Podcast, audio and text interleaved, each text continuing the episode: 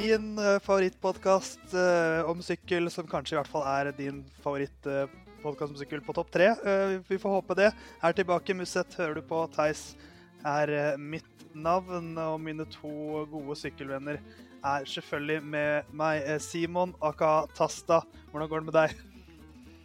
Jo, det går greit. Henvist til soverommet i dag, men ja, det er jo som de sier. This is where the magic happens. Og det er noen magiske lyder som kommer ut av det rommet i dag. Vi har hørt latteren allerede. Uh, Knut aka Tekno-Knut, hvordan går det med deg? Nei, Nå har vi streva en halvtime her med at uh, mikrofon og uh, øreplugger og headset og sånn ikke ville samarbeide med meg, men nå er vi endelig på. Jeg må si jeg er litt skuffa over at du både presterte å ha dårlig sjøltillit og helgardert i introen, Theis. Ja, men det er jo min stil, Knut. En fasade av god selvtillit som egentlig bare er usikkerhet. Men du sier at vi har strevet, ja? Ja, ikke jeg har streva. Ja, fantastisk. Og jeg har hatt ting på stell. Og det er litt, litt frustrerende all den tid jeg vanligvis er den som har hatt god koll på teknologi her, men ja. Ja, for det er jo deg vi ofte omtaler som Tekno-Knut. Mm. Eh, men eh, dette blir en episode av, fra Musett dedikert til eh, sykkel-NM. Så kommer det en Tour de France-spesial senere i uka, rett før Grand Depart på lørdag. Så ikke vær redd, vi har ikke glemt årets viktigste sykkelritt. det hadde vært veldig rart om vi, om vi, gjorde. Men vi kan jo begynne med en oppsummering av NM. går gjennom det litt sånn kronologisk, i hvert fall seniorøvelsene. Eh, og apropos tekno, det er jo ganske viktig på tempo, som du pleier å si, Knut. Eh, Tempo-NM har blitt syklet, og for eh, andre år på rad så er Katrine Aalerud norgesmester på tempo. For andre år på rad foran Vita Heine. Jeg var utviklingslag i helgen, så det er bra jeg har med meg to folk som faktisk var på Sørlandet og dekket dette for sine respektive medier. Knut, tempoen hos eh, kvinnene. Hvordan vil du oppsummere det som skjedde der? Tja eh, Katrin Aalerud vant. Jeg vet ikke hvordan jeg ellers skal oppsummere tempoet. Nei, eh, jeg skrev jo i eh, sosiale medieposten til Landevei at Katrine Aalerud overrasker alle. Og selvfølgelig satt litt på spissen. Jeg fikk jo, tok tre minutter, så sendte Magnus Drivenes meg en melding eh, og spurte hvorfor i all verden jeg skrev det. Uh, og da ba jeg han fint om å roe seg litt ned. Men uh, Ydmyk som du er. Ja. Uh, det var jo litt overraskende, da, for det var helt paddeflatt. Uh, det burde Ja, det var en tempo som passer Hviteheine veldig bra, men Ålerud slo likevel med rundt 20 sekunder. Uh, og uh, Ålerud sa sjøl etter målgang at hun var veldig overraska fordi hun hadde følte hun hadde en dårlig dag. Uh, hun fikk ikke pulsen opp ordentlig og tatt seg skikkelig ut, men vant likevel. Så litt overraskende var det jo. Men kanskje mest overraskende for hun, og ikke for alle? Ja, da kanskje. Men uh, altså, hun er jo ikke Vi må være såpass ærlige og si at hun er ikke noen tempospesialist, selv om hun har forbedret seg ganske kraftig på tempo i år. Nei, det er, jo, det er, jo, ingen tvil om. 20 sekunder ble det jo da til slutt, og hun økte da seiersmarginen sin med 12 sekunder i forhold til, eh, til fjoråret. Eh, Mie Bjørndal Ottestad fra Andy Schleck Cycles ble nummer tre, 49 sekunder bak. Så har vi nevnt eh, det også, men det tyder vel på Altså, når du vinner på dårlige dager, det er jo egentlig et godt tegn. For da tyder det på at du har blitt bedre. Og den generelle kjørestyrken til Katrine Aalerud, den er jo sterkere nå enn noen gang.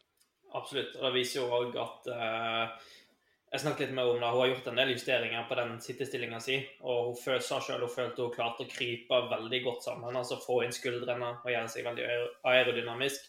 Så det viser jo at hun har klart å treffe med en kombinasjon av kraft og uh, aerodynamikk, selv om hun sa at uh, watt-tallene hennes var dårligere enn de pleier å være på tempo. Kan det tenkes at, at Movistar som system har tatt et lite temposteg? Eh, Min teori er kun basert egentlig på at Miguel Ángel Lopez plutselig har blitt en habil temporytter etter, eh, etter, sitt lagbytte. Er du enig i min teori, Tasta? Uh...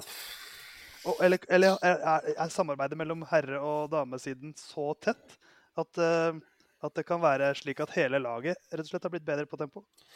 Jeg vil jo tro at i hvert fall uh, toppene har et godt, kan si nyter godt av hverandre. Eh, de har vel eh, eh, De deler vel sikkert på noen ressurser der som, som, er gode på det å finne fram til de gode posisjonene. Men om Movistar som lag generelt har tatt store steg på tempo, det, det er jeg usikker på. Men vi skal vel også legge til at Vita Heine var jo uh, Mente jo òg at hun ikke helt hadde sin beste dag, så det er jo Både gullmedaljen og sølvmedaljen var vel egentlig litt sånn misfornøyd med selve, selve prestasjonen. Sånn herlig snikskryt. Det var en elendig dag, men jeg tok gull, da. Uh, men apropos tempo. Ålerud fersk tempomester. Uh, ifølge deg, Knut, så har hun uh, voldsomme ambisjoner i Giro Rosa. Det er jo en tempo som den uh, Giro Rosa starta 2.7, så får vi nevnt det òg. Ja, hun sa jo hun går for å, for å vinne. Det er jo en bakketempo, det er riktignok. Uh, men hun sa målet hennes er å, vinne den, og så starter jo rittet med en lagtempo. det er jo viktig å Nå skal jo ikke Annemik van Fløyten være med i Giro Rosa, så det er jo Ålerud som blir kaptein der, da. Så det er viktig å ikke tape tid på den første lagtempoen. Eh, hun viser jo nå at hun er i bra, bra slag og har fått tempoferdighetene eh, mer og mer på plass. Eh, så alt ligger til rette for at de skal få en god start. da. Nå skal jo reise til, jeg tror reise til Frankrike i dag. Skal kjøre La Course i helga. og så skal de trene på lagtempo nå i forkant av La Course og i etterkant av La Course, så vidt jeg forsto det så sa jeg til henne her på søndag eh, etter fellesstarten at eh, hun må ikke tryne dagen før lagtempoen, da, sånn som hun gjorde her for, for noen år siden. ja, det er vel... at hun hører på deg. Ja, lagtempo med, med, med veltsår er vel ikke akkurat å, å foretrekke. Det var vel, var vel, flere som gikk ned i den velten, og de var vel ute på treningstur dagen før, så det var vel ganske svekka Det var vel Virtu på den tida. Det var vel ganske mm. svekka Virtu-lag som kjørte den lagtempoen. Men eh, vi får gratulere Katrine Aalerud med nok et NM-gull og flytte oss videre til herrenes temporitt. Eh, 50 km langt eh, pluss et par hundre meter eh, i Evje, det også. Eh, og det var en, eh, et, en trehodet duell som mange regnet med at det kom til å bli, med Andreas Leknesund som rene mester, Tobias Foss som tok sølv i fjor, og Søren Manskjold som tok bronse i fjor. Eh, og det ble de tre på toppen også i år, men en suveren eh, gullvinner, Tobias Foss, foran eh, Søren Wernskjold. 1,19 og så 2,26 ned til Andreas Leknesund på tredjeplass. Eh, Norge har en ny tempokonge, Tasta. Det er det ingen tvil om. Ja, det, det, var en rimelig rå tid og prestasjon. Altså, det er 50 km på rett i underkant av 57 minutter. Det er nesten ett minutt bedre enn den uh, rekorden på 50 km som Andreas Leknesund satte i, i fjor. Uh, så ja, det var en løype som du kan si var ganske rask, men klart når du, når du kjører en tempo med så høy gjennomsnittshastighet uh, over, over, så lang tid, så viser det at da, da er du fryktelig god på, på tempo. Uh, og det kommer jo en uh, OL-tempo i en uh, litt mer kupert løype, som en skulle tro passer Foss bra. og hvis det her er på en måte grunnivået hans, så er det klart at det er mulig å være med ganske høyt oppe i, i Tokyo.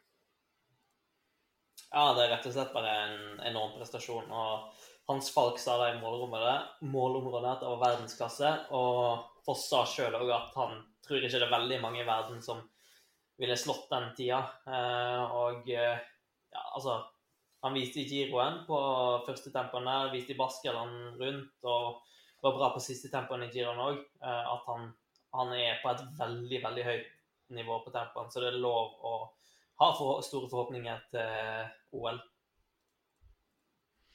Eh, litt skuffende eh, altså en, enorm, en, enorm, prestasjon av Tobias Foss. Eh, Søren Wernskjold med sølvmedalje ett steg opp.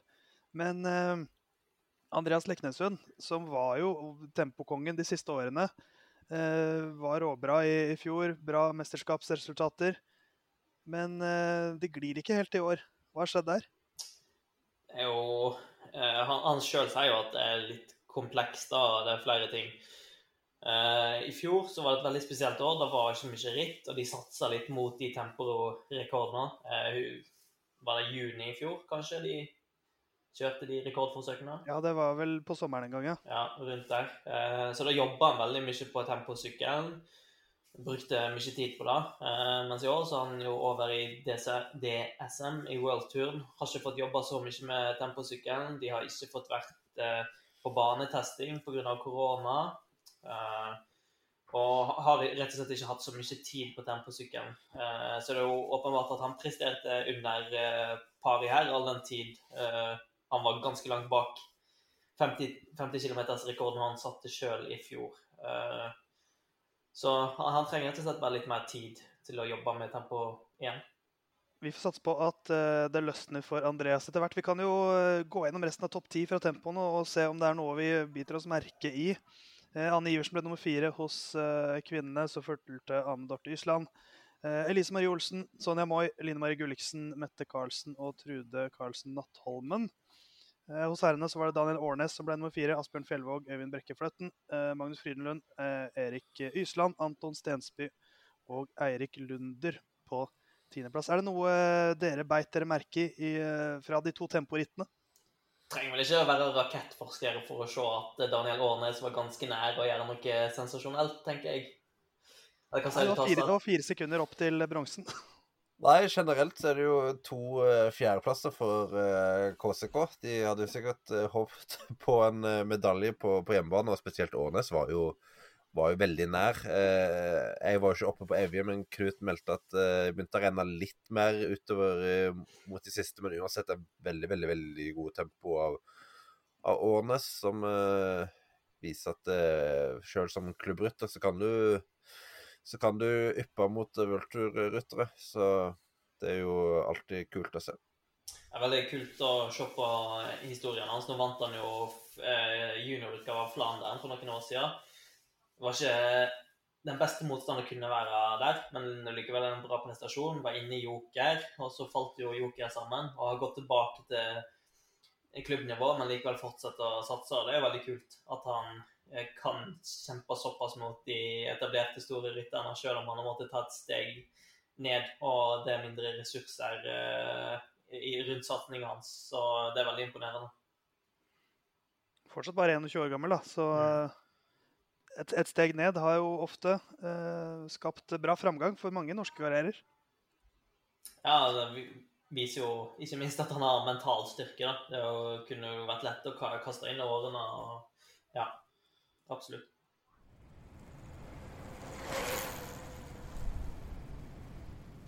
Hei! Adrian og Stien i Bioracer Norge her. Vi i Bioracer vet at det er mange av Musets lyttere som også liker å sykle.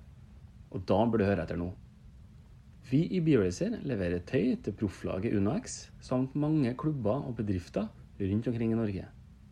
Men nå har vi også lansert en helt ny webshop der du kan handle lagervarer direkte av oss.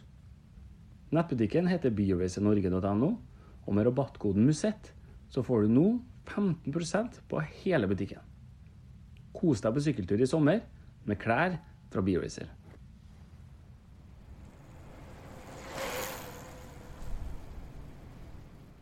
Vi kan jo endre fokus til uh, det som skjedde i Kristiansand. Da var det fellesstartene på søndag. Eh, vi kan begynne med, med, kvinnene der også, hvor uh, det uh, ble en litt redusert gruppe mot slutten. Mie Bjørndal Ottestad, regjerende mester, lå alene i teten. og så ble det et veldig taktisk spill mot slutten med Ålerud og Susanne Andersen som satt mye i fronten og tok mye vind. Men så var det rutinerte Vita Heine, NM-dronninga, som uh, valgte sitt øyeblikk uh, og angrep mot slutten. Gikk solo og tok sitt fjerde NM-gull på fellesstart. har hun tre på fellesstart, og, uh, fire på fellesstart og tre på tempo. veldig klokt kjørt av Vita Heine, og selvfølgelig ergerlig for Emilie Moberg, som tok nok en medalje. Det er vel hennes fjerde medalje fra fellesstart. ingen gull. Ingvild Gåskjenn ble nummer tre. dere som var der, begge to, hvordan eh, opplevdes dette, og hvordan syns dere kvinnenes ritt var i Kristiansand? Nei, det var et uh, Det var et uh, taktisk interessant ritt, vil jeg si.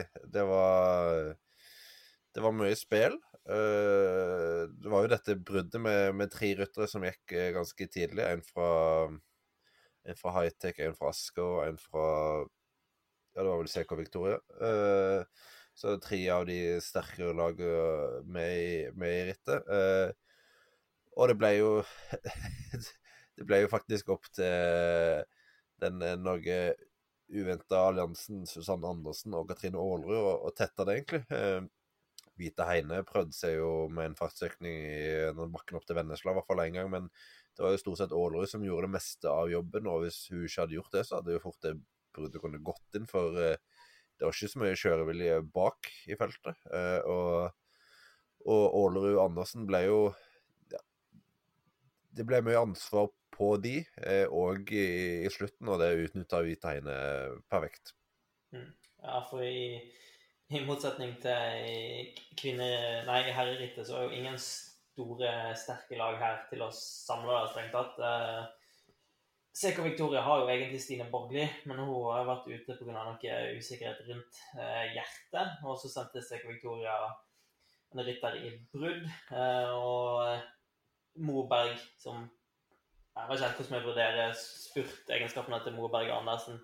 Men Moberg hadde jo bare én hjelper. Eh, Susanne og Katrine var i utgangspunktet alene. Og når de tre store lagene da sender noen i brudd, så blir jo dette veldig spesielt. Og hadde ikke Katrine ville hjelpe Susanne her, så hadde jo da bruddet gått inn. Eh, så jeg tror Katrine lå ja, kanskje 30 km helt alene i front av feltet for å taue inn den luka. Og så uh, sprakk det jo litt opp, opp, mot slutten igjen. Men der òg, i de siste 10 km, 10-15 km, så skjedde jo òg en del rart rent taktisk, Simon. Ja, altså det var jo når uh, Når Susanne Andersen støtta seg opp til, til mye Bjørnar Ottestad, som hadde jeg støtta vel rundt en eh, drøy mil igjen. Eh, Susanne Andersen støtta seg opp ja, Det kom vel opp når det var kanskje 2,5-3 km igjen. Men så ble hun henta av en Asker-syklist eh, som førte feltet opp. og mye Bjørnar Lottestad sykler jo da for, for Asker, så det Asker fikk vel en sjette- og syvendeplass til slutt. Eh, og ja, hadde den gruppa gått inn, så hadde, de jo fått uh, sølvet, i hvert fall. Så det, det, så litt uh, pussig ut. Uh, og, uh, og Drops hadde jo òg en hjelperytter igjen til å eventuelt skulle samle det, men det virker ikke som det var det var krefter igjen til, til å gjøre det. Og da da så ble de sittende og se på hverandre. Susanne Andersen prøvde jo å gå til dette angrepet til Vita Heine, men hun hadde jo brukt veldig mye krefter rett i forkant, så der var det ikke så mye igjen å hente. Så da, da gikk de inn for Vita. Det er jo, du får en veldig spesiell dynamikk her, når, som du egentlig bare ser i nasjonale mesterskap, når de to klart beste spurterne er så alene som de er, eh, og så lenge som de er. Og da blir det jo ingen som vil arbeide med dem. Kunne egentlig Og så har du Ålerud som sitter der og kan jo ikke ha Ikke en veldig god spurt, men uten hjelperytter, egentlig. Eh, kunne, for å ta spurterne, kunne Moberg og, og, Andersen gjort så veldig mye annerledes.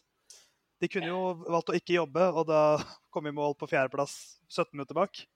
Altså, Susanne, eh, altså I, i retrospekt så burde jo Susanne eh, satt seg litt bak i den gruppa som hadde litt bedre kontroll over det som gikk, og bare venta og latt Ålerud tømme seg litt lenger. Prøvde å dekke opp angrepene. og så skulle Susanne heller markert heller enn å støte. Og kanskje, og hvis hun da absolutt ville gå for et angrep, holdt deg igjen litt lenger og ikke gått så tidlig. Men samtidig så lå jo Mie Bjørnar Ottestad foran. Og ja, det var litt skummel uke der en stund, da, så jeg, jeg, kan jo forstå det. Men uh, hun, hun mista nok hodet litt, kanskje. Og så når de kom inn på Susanne ble nummer fire, fikk ikke noen medalje. Når de kom inn på oppløpet, så havna jo hun litt i døden òg og åpna spurten sin først, og da ble passert av uh, Moberg og Gåstjen. Uh, så det er kanskje noen ting hun burde gjort litt annerledes i spurten der. Men hun var nok Hun har ikke hatt eh, noen resultatmessig veldig god sesong, så hun var nok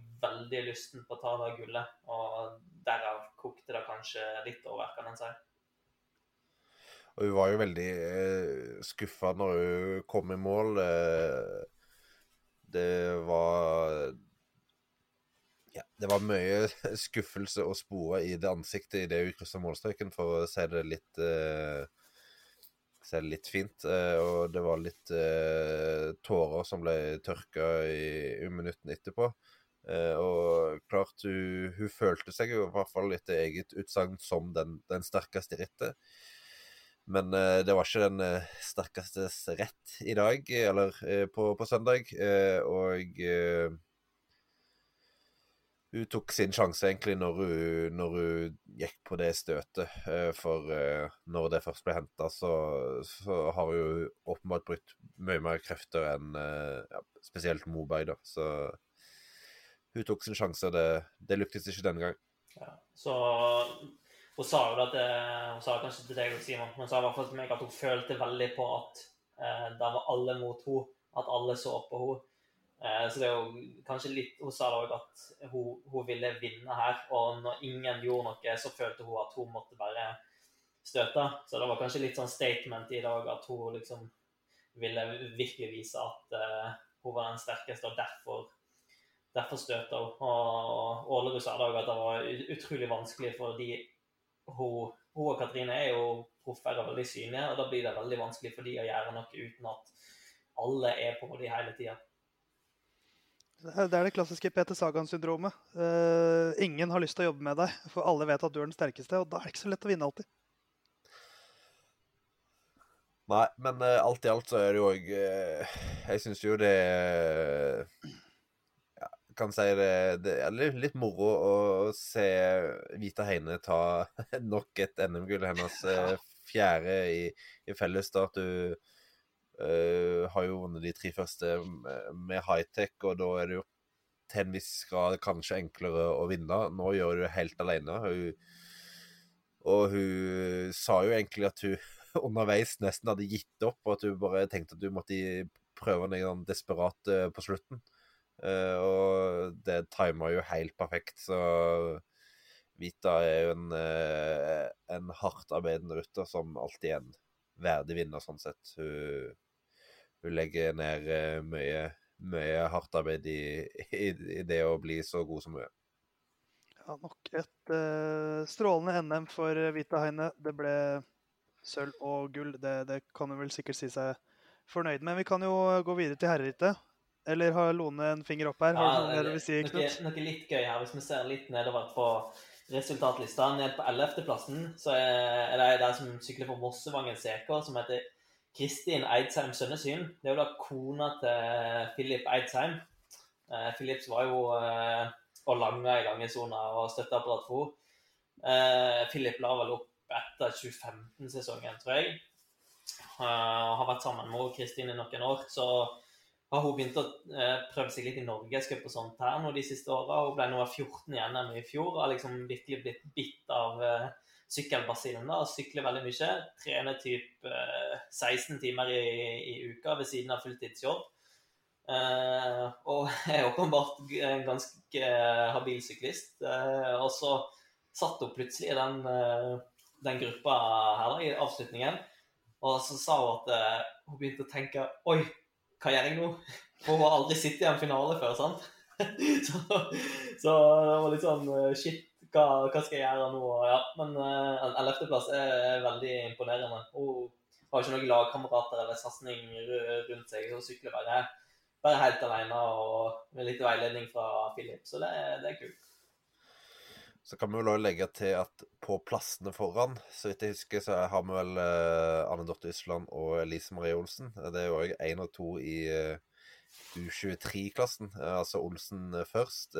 herrene har jo et eget U23-ritt som, som Tord Gudmestad vant. Det ble jo kjørt helga før, mens damene altså har U23-rittet innbakt i seniorrittet. og ja, det virka vel ikke som om alle var helt klar over det. egentlig. Det ble jo kjørt det samme i fjor. Da, Da virka det som i hvert fall flere var klar over. Da husker jeg det ble spurt om uh, bronse fra gruppe tre eller noe sånt, men uh, det var et litt tilfeldig gull i år, virker det som. Ja, det var litt dårlig stemning etter målgang. for uh, Island kjørte jo aktivt underveis og prøvde flere ganger. Uh, og så vidt jeg så, så ja, ga hun litt opp på oppløpet. Og uh, i etterkant, når de fikk beskjed om at Olsen hadde vunnet U23-rittet, så ble Island ekstremt forbanna. Fordi hun visste rett og slett ikke at det var U23-ritt i seniorrittet. Og uh, vi snakket med Karl Lima etterpå, sjef i Hightech. Han sa òg at han ikke hadde hørt noe om det. Uh, så det er åpenbart at det er et eller annet som har svikta i et ledd her. Men Island var i hvert fall veldig sint og skuffa over at hun, hun, ikke visste det, og at den trøya glapp for hennes del. Hun har heldigvis noen sjanser til da, på å, skaffe seg det U23-gullet. Men da som programleder så tar jeg, tar jeg styring nå. Nå går vi videre til herrenes ritt. Eh, for hos kvinnene så var det kanskje ikke den sterkestes rett som gjaldt, men det tror jeg vi kan si det var hos herrene. Der var det jo et litt mer eh, Det var litt flere maktfaktorer der. Men vi, vi begynner på toppen. Tobias Foss, eh, den ubestridte NM-kongen. Et suverent tempogull. Og så kroner han hele driten, som du ville sagt, Knut, med et gull på søndagen. Eh, går av gårde i en gruppe da, med Anders Korseth, Kristian Aasvold og Andreas Leknessund. Eh, og eh, får en luke mot slutten. Kjører solo inn til Kristiansand og feirer mer enn jeg har sett han feire noen gang. Og er mer emosjonell i seiersintervjuet enn jeg har sett Tobias på ganske lenge. Norges beste herresyklist akkurat nå. Er det noen av dere som er uenige? Nei, jeg tror ikke det Kommer jo an, på, altså, hvilke faktorer ja. du legger i det. Og her vil, jeg, her vil jeg skille mellom beste og største. Ja, det Men ja, ja, eh, ja, nei Sånn prestasjonsmessig og resultatmessig er det vel ikke noen som har gjort noe eh, bedre i år, eller Falstad? Nei, altså Denne sesongen så er det jo han og ja, egentlig Rasmus Tiller som har de på en måte største resultatene, hvis du skal se litt sånn uh, grovt sett på det. Uh, men klart, jeg, jeg syns det er en litt sånn håpløs oppgave sammenligna sammenligne eh, ja, type spurter og klassikerryttere som, uh, som Alexander Kristoff, som riktignok ikke har hatt en stor sesong, og uh, Tobias Foss, som har hatt en veldig god sesong. Men uh, ja, klart, hvis du kun ser denne sesongen og resultatene, så, så må du si at Foss nok har vært den beste. Men Det er jo herlig at, at, bare at vi som sykkelnasjon er der nå. At vi, vi sitter og vi vi, sitter og sier ja, det er litt vanskelig å sammenligne en sammenlagtrytter med en klassikerrytter. Det er så deilig at vi, vi har det problemet nå. Men, eh, men, for å snakke om, om rittet konkret. Tobias Foss eh, er norgesmester. For det første, veldig fint at det ikke ble en UAE-rytter. Ikke fordi jeg ikke liker UAE-gutta våre, men fordi da får vi en veldig kjip mestertrøye. Eh, mens Jumbo Visma de gir, nok et, gir nok oss en skikkelig mestertrøye både på tempo og på på, på, landeveien. Eh, men det rittet Tobias Foss gjør her, Knut, hva, hvordan vil du vurdere det? Nei, altså han eh, vinner jo rett og slett mot oddsene, da. Eh, og det er jo mye takket være, takket være regnværet, egentlig. At det blir et mye seigere ritt enn antatt.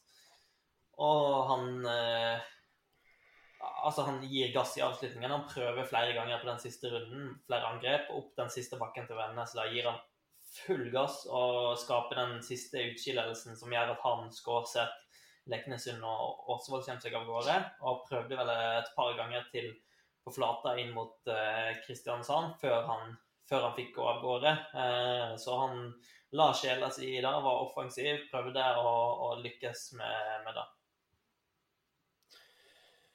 Ja, det var jo et, eh, et, et ritt hvor måtte, de fleste så på UnoX eh, før start, og når eh, I hvert fall når Alexander Kristoff krasjet tidlig ut, så tenker du at nå ser det veldig, veldig bra ut, for han var jo den som ja, var kanskje den største utfordreren hvis det skulle bli samla til en spurt. så da handler det egentlig for UnoX om å klare å spille seg inn i gode situasjoner, i vinnerscenarioer, i situasjoner hvor de er i overtall. Eh, og de var jo egentlig i overtall ut på den siste runden. De sitter vel i en, eh, en gruppe på hva var det, ti-tolv mann.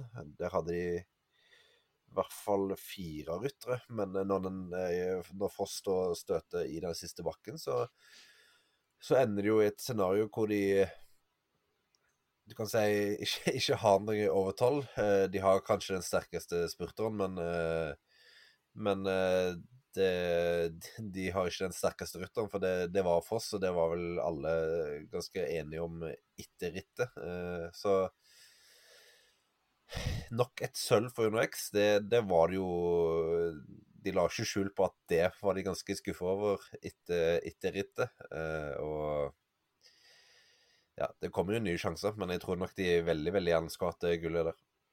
Altså når, eh, når Kristoffer først røk ut, så røk Bystrøm ut, og ja, alt lå til rette. Og de gjorde, de gjorde, alt rett på fem av seks runder, egentlig. Folk reagerte litt på at uh, det satt 15 under X-mann frem og taua, men i mine øyne så var det en helt grei vurdering. For de hadde anledningen til å kontrollere det hele veien. Uh, og det var ei såpass flat løype at uh, de kunne ha kontroll.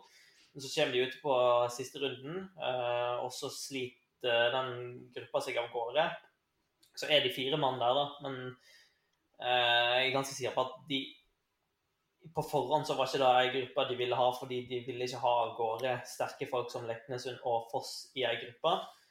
Eh, men det som skjer, er jo at de setter seg opp bak òg.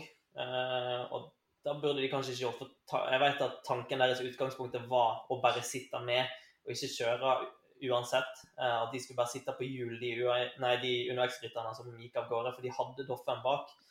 Og når de var kommet så langt ute i rittet, de hadde Doffen med i hovedfeltet, og de hadde, hadde eh, bra med mann der òg, så burde de kanskje fortsatt å lene seg på Doffen, all den tid han var den raskeste spurteren i feltet, det sikreste kortet. Og i stedet for så havner de i en situasjon igjen der de er én mann mot tre andre. Eh, og de sa jo etter fjoråret, der de satt igjen med Jonas Iversby Widerberg i finalen, at de skulle ikke havne i en sånn situasjon igjen. Eh, og de hadde tallene her, de skulle vært i overtall.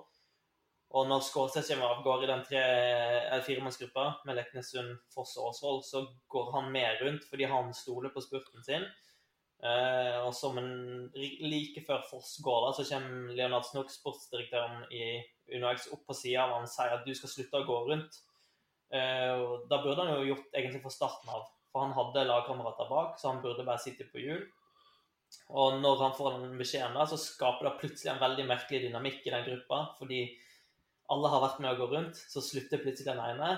Og da var da Foss benytta sjansen sin da, og fikk gå av gårde. Og Leknesund sa etterpå at han lot han gå litt med vilje, fordi han håpet at Skårseth skulle tette den luka, men da ble det for seint. Så det var en del temperatur på UnoX-bussen i etterkant av rittet, og de var ikke fornøyd i det hele tatt. Og det skjønner jeg godt, for de skulle klart å Med så stor uh, ryttergruppe så skulle de klart å holde det her. Ja, Spesielt nå som de er så etablerte som stormakt i Sykkel-Norge, så, så, er det sikkert litt pinlig for dem også uh, å på en måte uh, rote det bort litt i, i gåseøynene. For de siste to årene så har de jo vært, de har vært ekstremt nære det gullet. Da har det jo vært eh, to veldig jevne spurter, hvor det røk til, til Amund Alliansen i 2019 og Svein Egg Bystrøm i fjor. Eh, så da kunne de fort tatt det gullet. Mens i år så er det liksom taktiske årsaker, og de roter det litt bort. Og det blir, det blir en veldig sånn hvor de sitter veldig tydelig og kontrollerer så lenge, og så bare rakner alt mot slutten. Så ja, det, de hadde, de, de hadde det, blir sånn hvit hval. De hadde en veldig klar plan. Eh, og den hadde de muligheten til å fortsette å følge ut rittet. Men så Altså, sykling er jo uforutsigbart, og du må improvisere litt.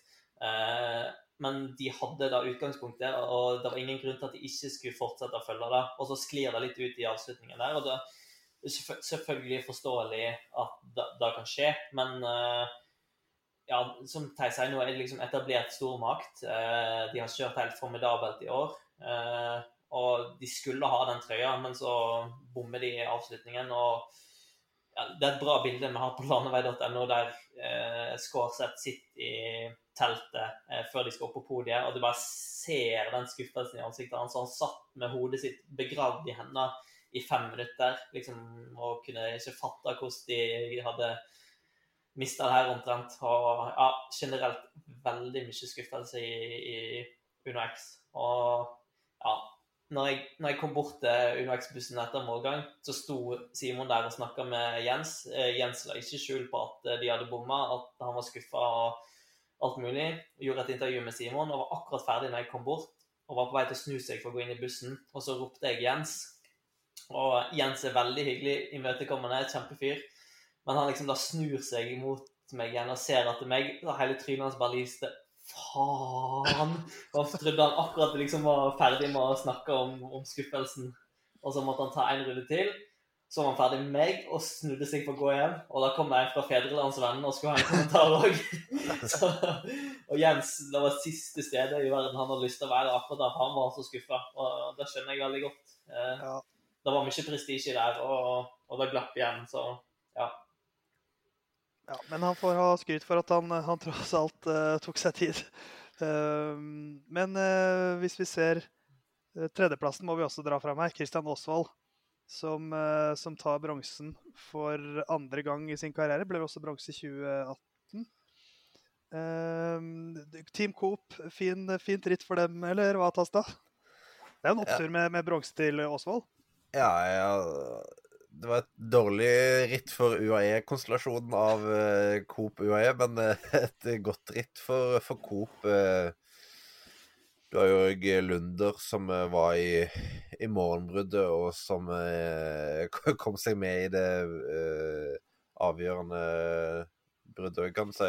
Så han, han, imponerte jo og ble vel nummer seks. seks. Dversnes kom inn ikke langt bak.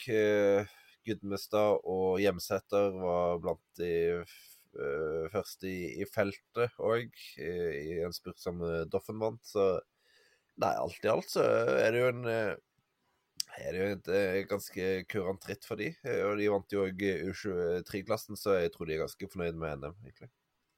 Ja, det var rett og slett en kjempeprestasjon av de. Altså, som vi snakket om nettopp, UnoX er etablert stormakt nå. Eh, og de har mye større ressurser, mye større stall. Men eh, da de Coop-gutta presterte, var utrolig imponerende. De satt med tre mann i den eh, store gruppa som gikk av gårde på siste runden. Og de var med og gikk på støten av Lunder, som kom, kom med etter å sitte i morgenbruddet. viste en utrolig styrke. Og Åsvold var satt godt med opp den siste bakken, og Foss uh, støta Nei, utrolig, utrolig imponerende, rett og slett. Og så syns jeg vi skal skryte litt av Johannes Staune Midt òg, som gjorde en ekstremt god jobb for uh, Foss. Uh, de er jo på sett og vis lagkamerater. Uh, Staune Midt er i utviklingslaget til Jumbo Visma. Han òg har kjørt veldig bra i år, vist styrke og dekka støt her og taua og ja, formidabel innsats av han òg. Veldig viktig brikke i Foss sin seier. Og han òg var utrolig glad for at uh, Foss vant. Ja, det var, eh, det var, et av de vakreste øyeblikkene, da, den, den gleden Tobias uh, viste da han prata om Johannes etter, etter målgangen. Det var, uh, jeg tror han syntes det var gøy selv å ha en som kjørte litt foran der. Og, og, veldig gøy å få se Johannes Staune Mitte i et ritt. Han har jo, som du sier, Knut, hatt en god sesong. Fjerdeplass i, i Toro Malapolska, der han også tok um, ungdomstrøya. Uh, sykler jo for um, utviklingslaget til Jumbo Visma. Uh, så jeg vil jo tro at uh, de legger jo merke til hans prestasjoner. Så plutselig har vi to, to proffer i Jumbo Visma-laget. Det, det, var i hvert fall en veldig sterk prestasjon. Ja, jeg, jeg meldte litt med han her i, i går, og han skal han håper jo på å få sykle Tour de l'Avenir. Jeg eh, vil jo si Han har lagt inn en ganske god søknad eh, om å få sykle der. Og hvis ikke han sykler der, så skal han sykle Tour of Norway og Post Nord Danmark rundt for uh, World Tour-laget Jumbo Visma. Så han får sjanser til å, å vise seg mer frem. Hello, I'm Alberto Contador and listen to Muschets.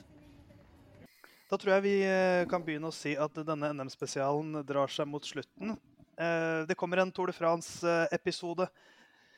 I hvert fall før Tour de France starter på lørdag. Eh, den kommer i podkast-appen din så fort du aner det. Eh, så vil vi gjerne at du som hører på, går inn og laster oss ned og abonnerer på oss og rangerer oss i podkast-apper og det som fins. Men vi har ett siste nasjonalt mesterskap som vi må eh, prate litt om nemlig det polske mesterskapet. Jeg regner med at både Knut og Simon fulgte nøye med eh, i det polske mesterskapet denne helgen. Ja, jeg, hør, jeg hørte Paterski vant med i overlegen stil, som han, eh, som han har gjort tidligere. Han er en, Overlegent eh, hele to sekunder foran Alan Banasjek. Ja, det kaller jeg overleg- overlegent. Så ble det en bråkstil Lukas Ovsjan. Men grunnen til at jeg nevner dette, er jo at eh, jeg og en kar som heter Magnus Drivenes, har en eh, forkjærlighet for den polske syklisten Patrick Storch. Eh, og du, jo, du som er veldig fast lytter, har jo da sikkert hørt at for ikke så veldig mange episoder siden så hadde vi en Patrick Storch-sang eh, som var basert på Fantin Fantine sin I Dream the Dream fra eh, Le Miserable, hvor Magnus Drivenes sang 'Jeg har en drøm om Patrick Storch'. og det som eh, da skjedde, var at Patrick Storch i nevnte Tor Malapolska, så vant han den andre etappen foran Maurice Ballastedt fra utviklingslaget til Jumbo Visma. Smak på den, eh, Johannes Steine Mitte. Um, og på samme dagen så vant også Rasmus Fossum Tiller Uh, Idvar Storhet Hageland. Uh, så da ble Magnus Drivenes inspirert til å skrive nok en sang om Patrick Storch. Uh, Det gikk ikke så bra i det polske mesterskapet, dessverre. Der ble det DNF. Etter en sterk åttendeplass i fjor så klarte ikke Patrick å følge opp den, men kanskje neste år, Patrick. Eh, Så da tenkte jeg at vi avslutter denne NM-spesialen, paste nok, med en sang om en polsk syklist. Eh, Denne gangen basert på eh, nok en Le Miserable-sang, eh, som er On My Own, som synges der av Eponin. Magnus sa jeg måtte si at det var litt vanskeligere å spille piano denne gangen, men jeg syns han gjorde en kjempeinnsats. Og så er jo vi tilbake til Tour de France, Knut og Simon. Vi gleder oss. Veldig. Si. Si på godt polsk.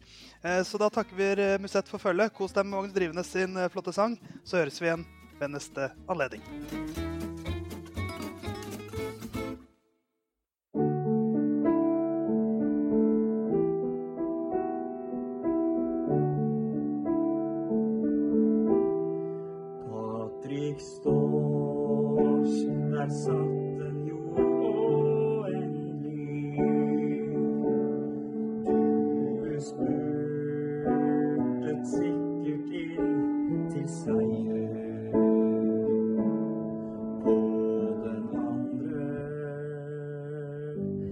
Etappen var det sikkert at du var supermotivert i Tour of Malopolska.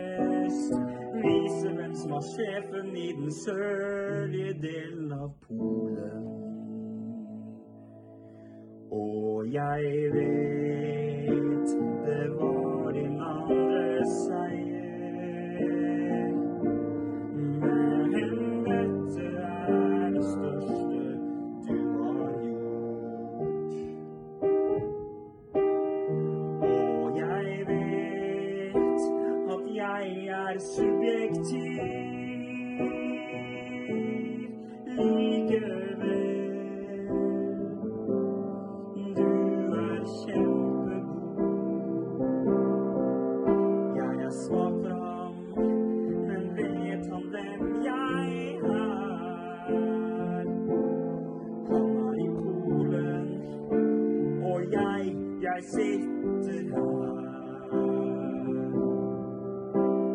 Uten hav forandres verden rundt meg.